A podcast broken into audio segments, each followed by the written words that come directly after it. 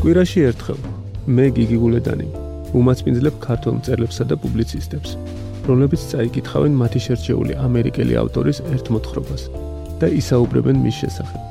რადიო პოდკასტში ამერიკული მოთხრობა. ამერიკული მოთხრობა.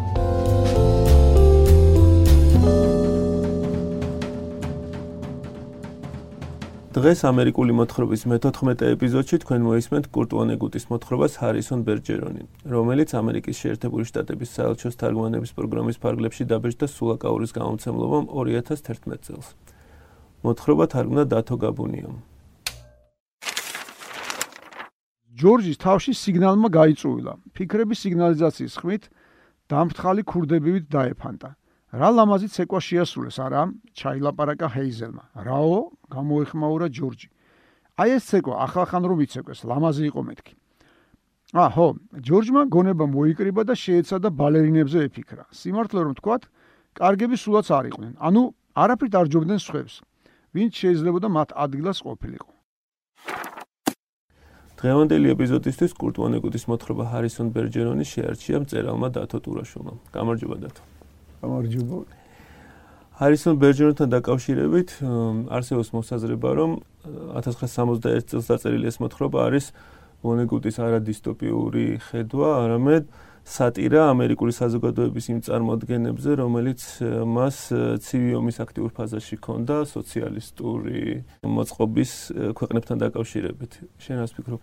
სხვა შეს ვინც წაიკითხავს ალბათ ყველას გაუჩნდება ეგ რომ არის ერთგვარი რა ქვია შიში კი არა რა ასე შეიძლება მოხდეს. არამედ ქილიკი და სხვა შეს დაწერის თარიღი ზარ არის შემთხვევით იმიტომ რომ ეს ზუსტად ის დროა ამერიკის შეერთებულ შტატებში როცა ძალიან ძლიერდება თვითონ ასე არ უწოდებენ რა თქმა უნდა სოციალიზმის იმდენად არ ახსენებენ რამდენად კომუნიზმს სხვათა შორის და რამდენადაც ესე იგი მემარცხენე და ამ შემთხვევაში კომუნისტური იდეები და იდეანები ძალიან გავრცელდა. იმდენად გავრცელდა, რომ სწორედ მაშინ ესე სახელმწიფოსთვის თავარ საფრთხეს წარმოადგენდა და ამის საპირისპირო არა მხოლოდ ესე იგი მოძრაობები ჩდებოდა, არა მხოლოდ აგიტაცია იყო და პროპაგანდა, არამედ მიმართავდნენ იმას, რა ქვია, სხვა ღონისძიებებსაც კი როგორც არ უნდა გაგვიკვირდეს და დავიჯეროთ და ნუ ისე მოხდა, რომ ბევრი ცნობილი ამერიკელი, მათ შორის მწერლები სხვა შორის თანაუგზნობდნენ. თამაგუგზა ამ მემარცხენე მოძრაობას თვითონ მონეგუტიც მე თვითონ მონეგუტიც მაგრამ რასაკვირველია მონეგუტი არ თვლიდა რომ როგორც მაგალითად საქართველოსში მაგალითადთვის ან მხოლოდ საქართველოსში ყველგან ესე იყო რომ ეს იდეა საქართველოს სოციალიზმს ერქვა სოციალიზმი სიტყვიდან ცოცვა იმიტომ ისე დაცოცავდა ეს იდეა თანასწორობის რომ ერთი დიდი ქვაბი გვექნება რომ ნახოთ ესე იგი ჩანაწერები ცოტა ღიმლის მომგვრელი არის რომ ერთი დიდი ქვაბი გვექნება იქიდან შევჭამთ ყველას ანუ ყველა თანასწორი არავინ არ იქნება არავის არ იქნება ცოტა მეტი ჯამი ლობიო და და გასაგებია იდეაში შეიძლება მართლა გადასარევი იყოს. თანასწორობაზე ტკბილი და გემრიელი რა უნდა იყოს მაგრამ სამყარო ასია შექმნილი რომ ეს თანასწორობა იდეალურ არსად არის არსებობს არც ნორვეგიაში შორის არც შეერთებულ შტატებში არც ფინეთში არც საქართველოში. რა თქმა უნდა უკეთესი იქნება თუ არ იყოს ასე კონტრასტული. ადამიანის ყოფა იმ სხვა ადამიანებთან და ну, რაზეც ქილიკობს, э, ასე ვთქვა და თავის გენიალური იუმორით წერს კორტ მონეგუტი გასაგებია, მაგრამ ერთგვარი გაფრთხილებაც არის, რომ ხელოვნურად ვერ შექმნი იმას, რას ბუნებრივად ვითარდება. ამ გაფრთხილებაზე ცოტა მე ვილაპარაკოთ, მოდი ახლა მოусმინოთ მოთხრობას და შემდეგ გამოვიწყოთ საუბარი. გქონოსმენთ რადიო პოდკასტს ამერიკული მოთხრობა. პროექტის რეგიონული პარტნიორები არიან: რადიო მარნეული, ინოწმინდის სათემო რადიო ნორი, ახალციხის რადიო სამხრეთის კარიბჭე. და ქუთაისის რადიო ძველი ქალაქი.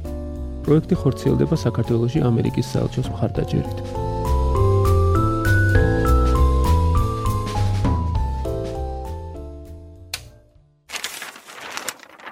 ჰარისონ ბერჯერონი კურტ ვონეგუტი იდგა წელი 2091 და ყველა თანასწორი იყო განამხოლოდ ღვთისა და კანონის წინაშე თანასწორობა მოიცავდა ყველას და ყველაფერს არავინ იყო სხვაზე გონიერი, არავინ იყო სხვაზე ლამაზი, არავინ იყო სხვაზე ძლიერი ან კვირცხრი. ეს საყოველთაო თანასწორობა კონსტიტუციის 211, 212 და 213 შესწორებების წყალობით დამკვიდრდა. რასაც სრულად შეერთებული შტატების ინვალიდ გენერლის ჯაშუშთა დაუღალავმა მუშაობამ შეუწყო ხელი. თუმცა ვერ იტყოდი ცხოვრება სრულად ნორმალური გახდაო. ასე მაგალითად აპრილი ისევ აცოფებდა ხალხს გაზაფხულისთვის შეუფერებელი ცივი ამიდით, მაშინაც სწორედ ეს წვიმიანი თვე იდგა, როცა ინვალიდ გენერალის აგენტებმა ჯორჯ და ჰეიზელ ბერჯერონების 14 წლის ვაჟი ჰარისონი წაიყვანეს. ნამდვილად ტრაგიკული ამბავი კია, მაგრამ ჯორჯი და ჰეიზელი ამაზე ბევრს მაინც ვერ ფიქრობდნენ. ჰეიზელი უნაკლოდ საშუალო ინტელექტის პატრონი იყო და რაც იმას ნიშნავს, რომ ნებისმიერ საკითხზე მხოლოდ მოკლე-მოკლე აზრები თუ გაუველობდა თავში და დიდხანს ფიქრი არ შეეძლო. ჯორჯს კი, რომლის ინტელექტი საშუალოს ბევრად აღემატებოდა, ყურში პატარა ინვალიდ რადიო ჰქონდა დამონტაჟებული. კანონი ავალდებულებდა მოუხსნელად ეტარებინა. რადიო სამთავრობო ტრანსლაციის ტალღაზე იყო მომართული დაახლოებით 20 წამში ერთხელ ტრანსლატორი გადმოსცემდა მკვეთრ სიგნალებს, რომ ჯორჯისნარი ადამიანებისთვის საშუალება არ მიეცა თავენთი ტვინების უსამართლო უპირატესობით ესარგებლად. ჯორჯი და ჰეიზელი ტელევიზორს უყურებდნენ. ჰეიზელს ლოყაცრემლები დასოლებოდა, თუმცა იმ მომენტისთვის უკვე აღარ ახსოვდა რა მაატია. ტელევიზორში ბალერინებს უჩვენებდნენ. ჯორჯის თავში სიგნალმა გაიწუილა. ფიქრების სიგნალიზაციის ხმით დამფრთხალი ქურდებივით დაეფანტა. რა ლამაზი ცეკვა შეასრულეს, არა? ჩაილაპარაკა ჰეიზელმა. რაო? გამოეხმაურა ჯორჯი. აი ეს ცეკვა ახალხან რომ იცეკვეს, ლამაზი იყო მეთქი. აჰო, ჯორჯმა გონება მოიკრიბა და შეეცადა ბალერინებზე ეფიქრა. სიმართლე რომ თქვათ, კარგები სულაც არ იყვნენ. ანუ არაფრით არ ჯობდნენ სხვებს. ვინც შეიძლებოდა მათ ადგილას ყოფილიყო. წელზე სიმძიმეები და ტყვის საფანტით გამოტენილი ტომრები ჰქონდათ შემოკრული. სახეზე ნიღბები ეკეთათ, რომ ვინმეს ლაღი მიმზიდველი სახიან ჟესტიერ დაინახა და უსამართლობაზე გული არ დასწყვეტოდა. ჯორჯს ბუნდოვნად გაუხთა თავში აზრი, იქნებ მოცეკვავების დაინვალიდება არ ღირდესო. თუმცა ძალიან შორს წასვლა ვერ მოახერხა. იმ წასვლა დაუწულა ყურის რადიომ და ფიქრები დაუფრთხო. ჯორჯს სახე შეეჭმუხნა. რვა ბალერინიდან ორს იგივე დაემართა. ჰეიზელს ეს არ გამოპარვია და რახან თვითონ არ ედგა ყურში. ასეთი რადიო გადამცემი ყოველ ჯერზე ეკითხებოდა ქმარს. როგორი სიგნალი იყო? ისეთი ხმა იყო, თითქოს ვიღაცა რძის ბოთლი ჩაქუში დალეცა. თქვა ჯორჯმა. ისე ალბათ საინტერესო იქნებოდა სულ სხვადასხვა ხმის მოსმენა. ცოტა არ იყოს შეშურდა ჰეიზელს. რას არ მოიგონებენ ხოლმე? კი, როგორ არა, ჩაიბურტყუნა ჯორჯმა. იცი მე რომ ინვალიდ გენერალი ვიყო, რას ვიზამდი? ჰეიზელი უნდა აღინიშნოს, გარეგნობით საკმაოდ გავდა ქვეყნის მართლ ინვალიდ გენერალს, ქალს, რომელსაც დაიან მუნ გლემპერსი ერქვა.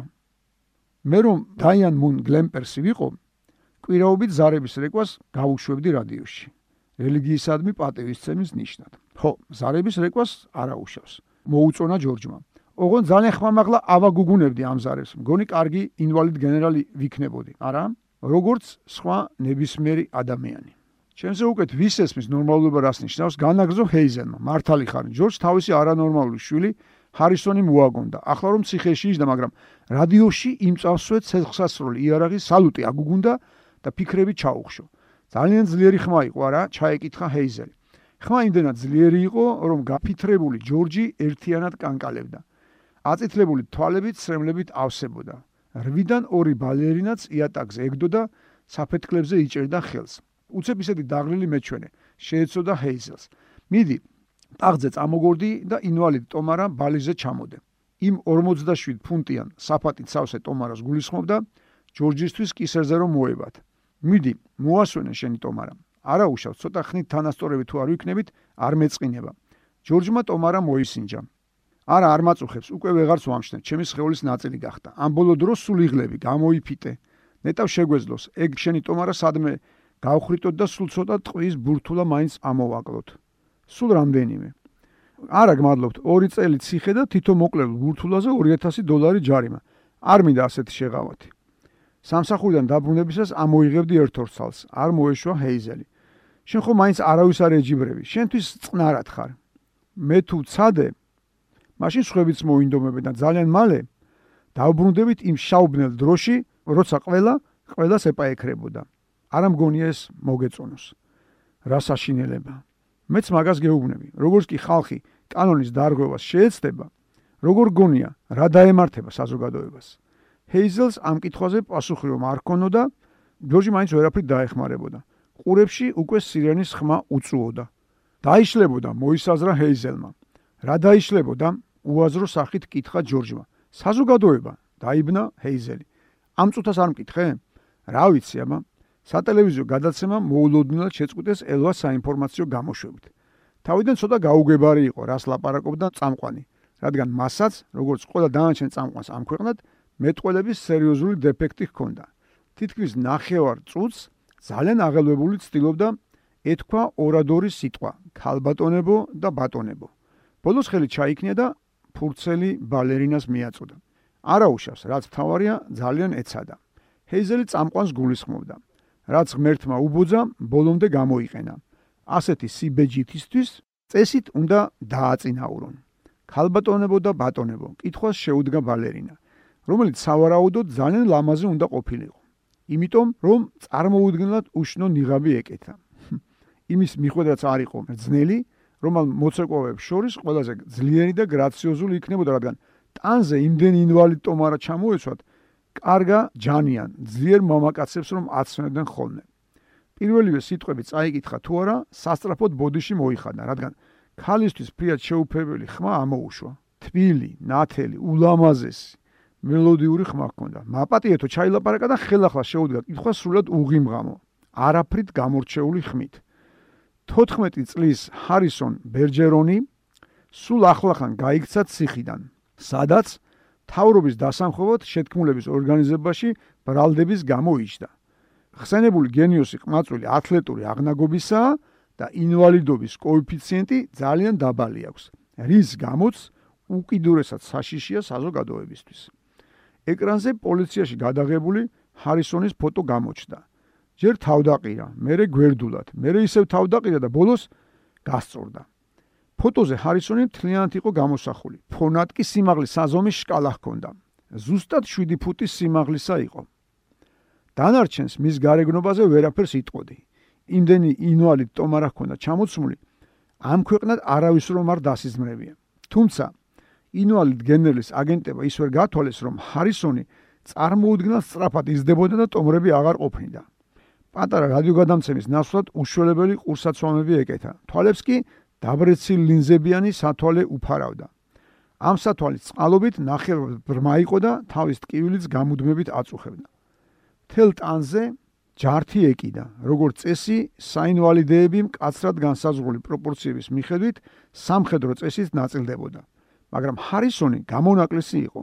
მოსიარულე ჯართის გროვისთვის დაემსგავსებინათ. თლიანობაში 300 ფუნტის საინვალიდეებს ატარებდა.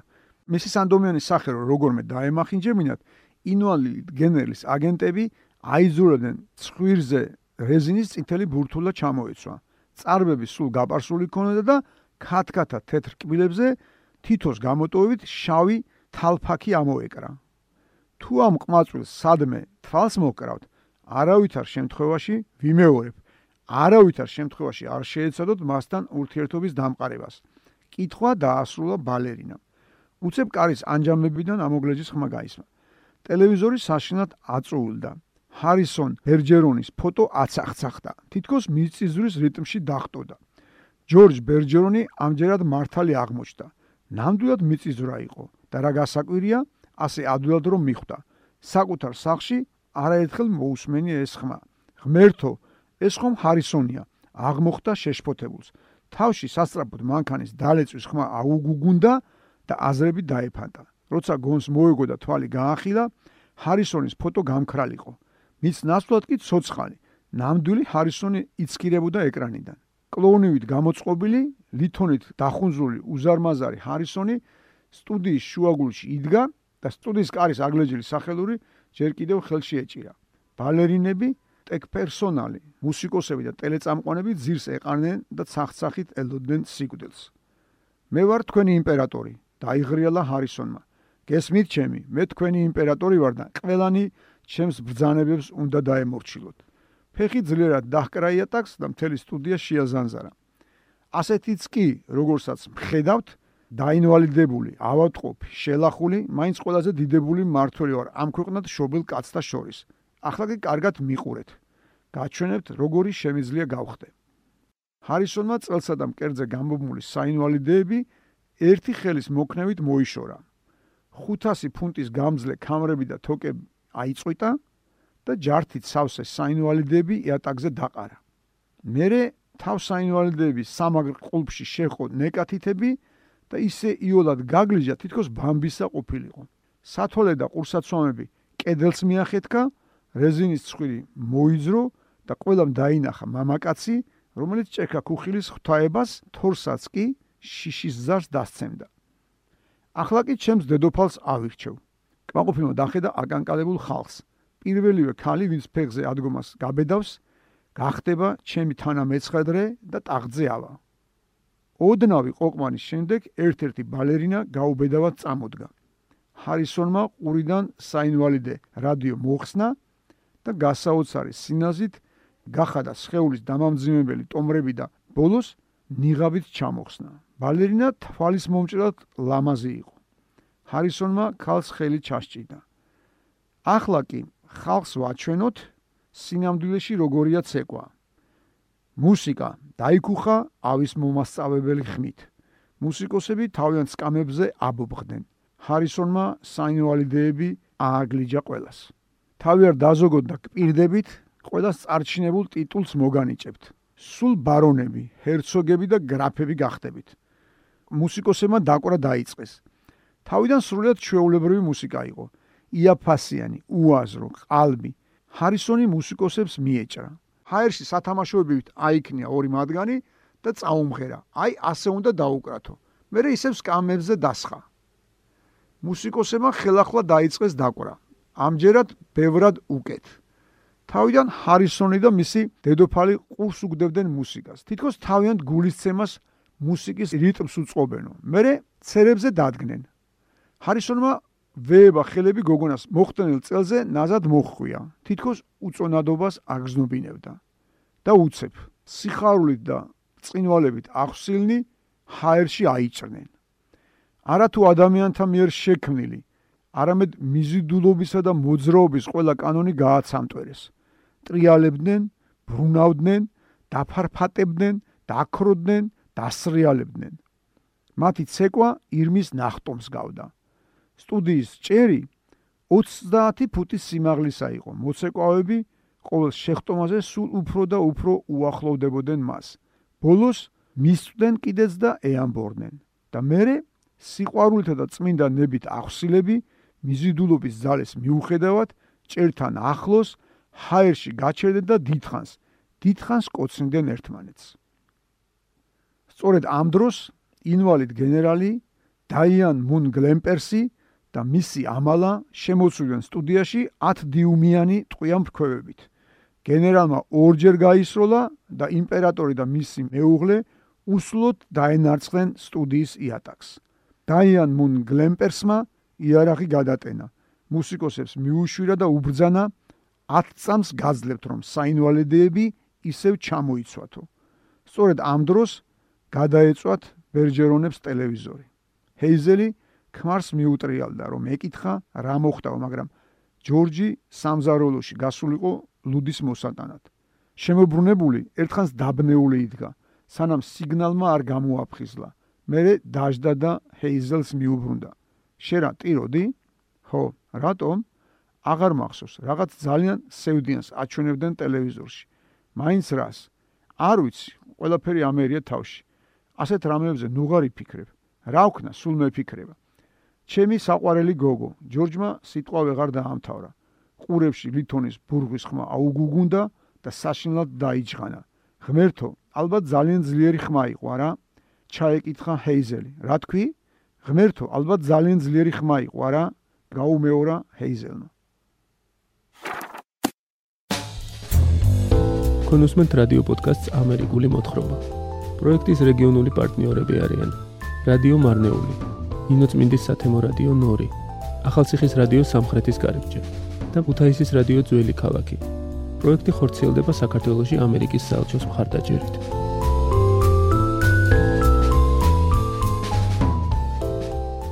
თქვენ უსმენთ კურტ ვონეგუტის მოთხრობას ჰარისონ ბერჯერონემ, რომელიც თარგმნა დათო გაბუნიამ, ხოლო გადაცემა ამერიკული მოთხრობისთვის წაიკითხა წერალმა დათო ტურაშოვმა.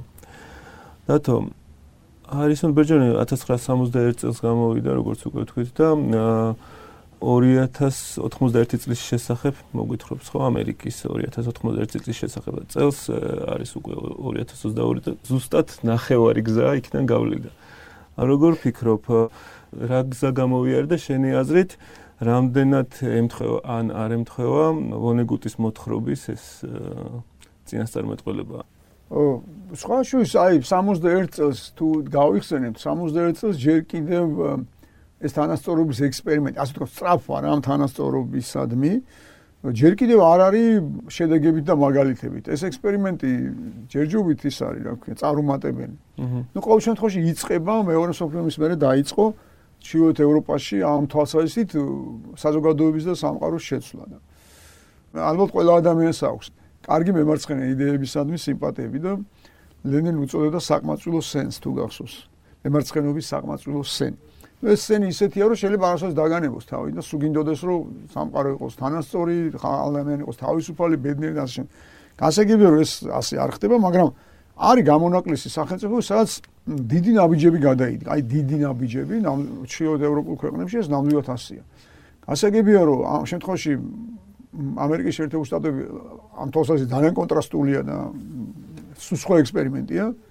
სუსხო, პირიქით, სუსხო ასპარეზი, სუსხო ენერგიის ასპარეზია, სუსხო იდეების ასპარეზი იყო იმ თავითო. თუმცა იგივე შტატებშიც ხდება არის თქვა სკოლები, სადაც ბავშვებს არაჯიბრებენ ერთმანეთს და პირველი მეორე ადგილები არ არსებობს. ანუ ეგ მეტიც მაგალითად ფინეთში კიდე უფრო წინ წავიდნენ, ხო ფინური სკოლა ის რაღაც ზეღიმებოდა უფრო სწორად კურტმონეგუტი ის გამოც შეიძლება დაწერა საერთოდ ეს მოთხრობა.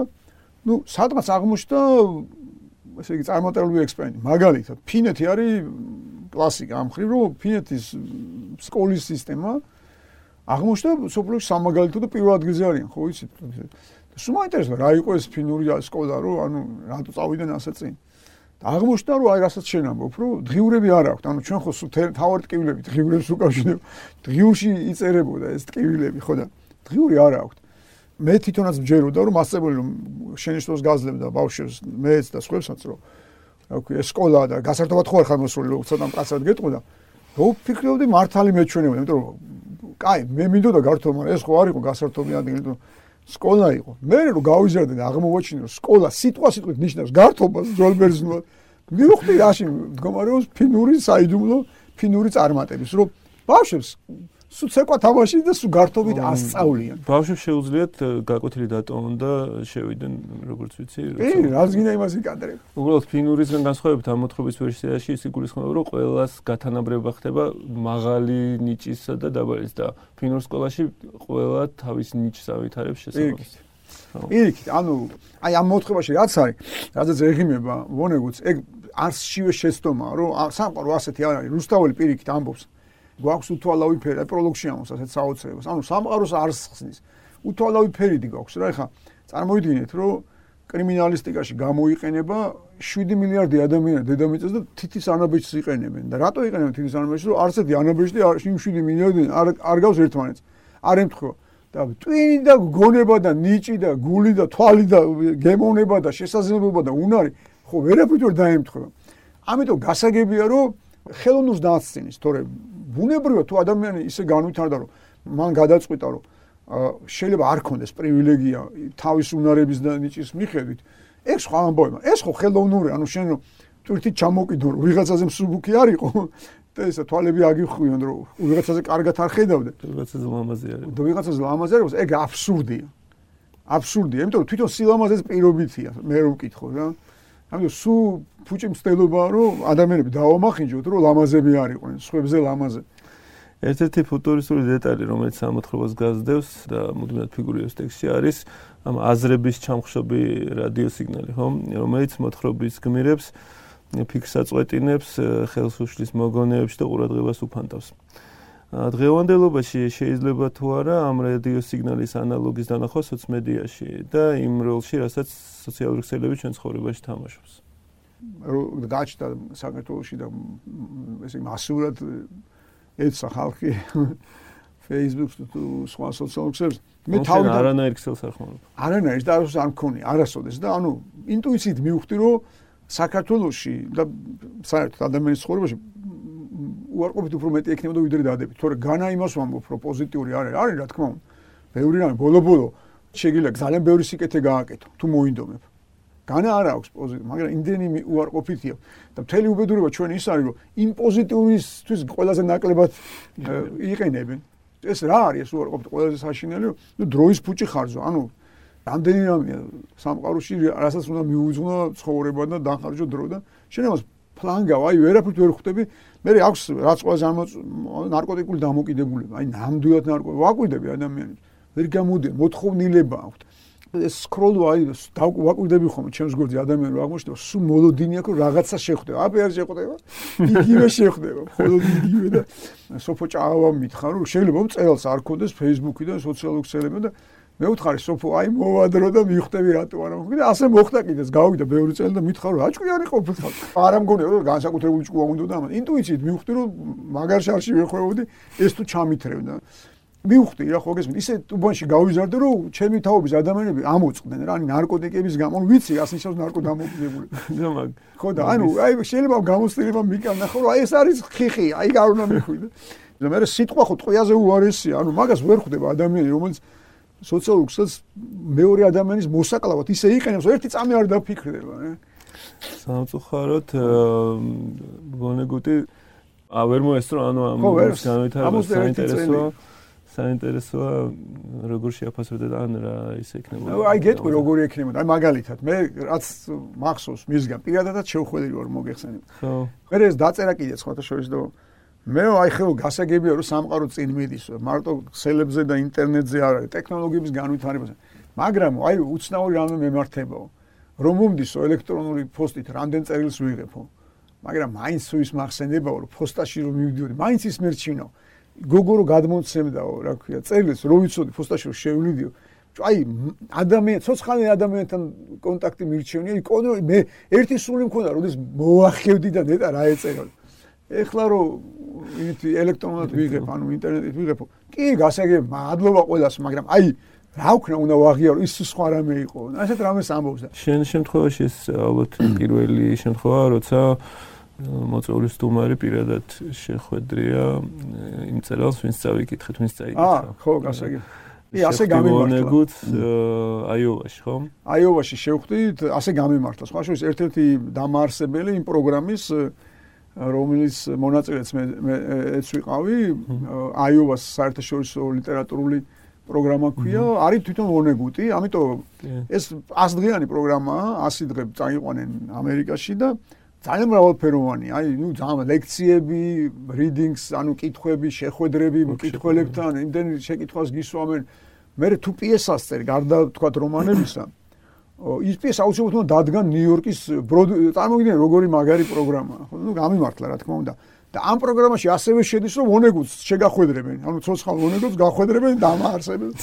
და ცოცხალ კლასიკოს და ცოცხალი იყო, ესე 2000 პირველი წელი იყო და და ეს 11 სექტემბრის თემამდე ერთი დღით ადრე, ხო? ერთი დღით ადრე, ესე 10 10 სექტემბერს ნახეთ და ესე 10 სექტემბერს ჩვენ გავაცილეთ, რამე აღწერილიც მაქვს ამერიკულ ზღაპებში. ანუ ჩვენ გავაცილეთ იმ საღამოს დავლიეთ 10 სექტემბერს აღნიშნეთ რომ ვონეგუ ამ ხელა წერალი ნახეთ ჩემი თვალა ჩვენ აღწერილი მაქვს ეგ რომ ორჯერ ნახეთ ერთხელ კი ანუ ერთხელ სხვებთან ერთად და მეორედ რამდენ ერთად გავაბოლეთ მაშინ ვეწეოდი და ეს ეგ მახსოვს რომ სუყვითელი ულოშები ქონდა სიგარეტი. ხო, სიგარეტზე ნათქვამი აქვს ხოლმე შორის რომ იმას პელმელის მწარმოებელს უნდა უჩივლო სუაწი უწერია თორე კლავს სიგარეტიო და არ მომკლავო. არ მომკლავო. ხო, მაგრამ ამდენ ხანს მიწონდა. სხვა შეიძლება ეს ნამდვილი ამბავი რომ დაურეკეთ მე დილით რომ ანუ ჩვენი გაცილებული კაცი ხო კარგად ანუ ონეგ სომა ვერა ხარ თქვენ კარგად. არც გაუგიო ხო ანუ ძინავს და დილი ცხოცხასაძე მოხდა ის ტერაქტი 11 სექტემბერს. ჩვენ მოვიკითხეთ ჩვენ უკვე როგორც ახლობელი, ანუ ვინ ყავს ახლობელი ნიუ-იორკში და დაურეკეთ მე მე კეთი გაბუნიყვას მეგობარი იმას დაურეკე და ასე შემდეგ. მე დაანჩენი ქართველები მოვიკითხე, მაგრამ პირველი გონეგუტი მოვიკითხეთ. ამდენად ეგრე. დიდი მადლობა დათო. პირიქით თქვენ მადლობა. თქვენ უსმენთ რადიო პოდკასტ ამერიკული მოთხრობის მე-14 ეპიზოდს. წერამა დათო ტურაშუმა ჩვენთვის წაიკითხა კურტ ვანეგუტის მოთხრობა ჰარისონ ბერჯერონი.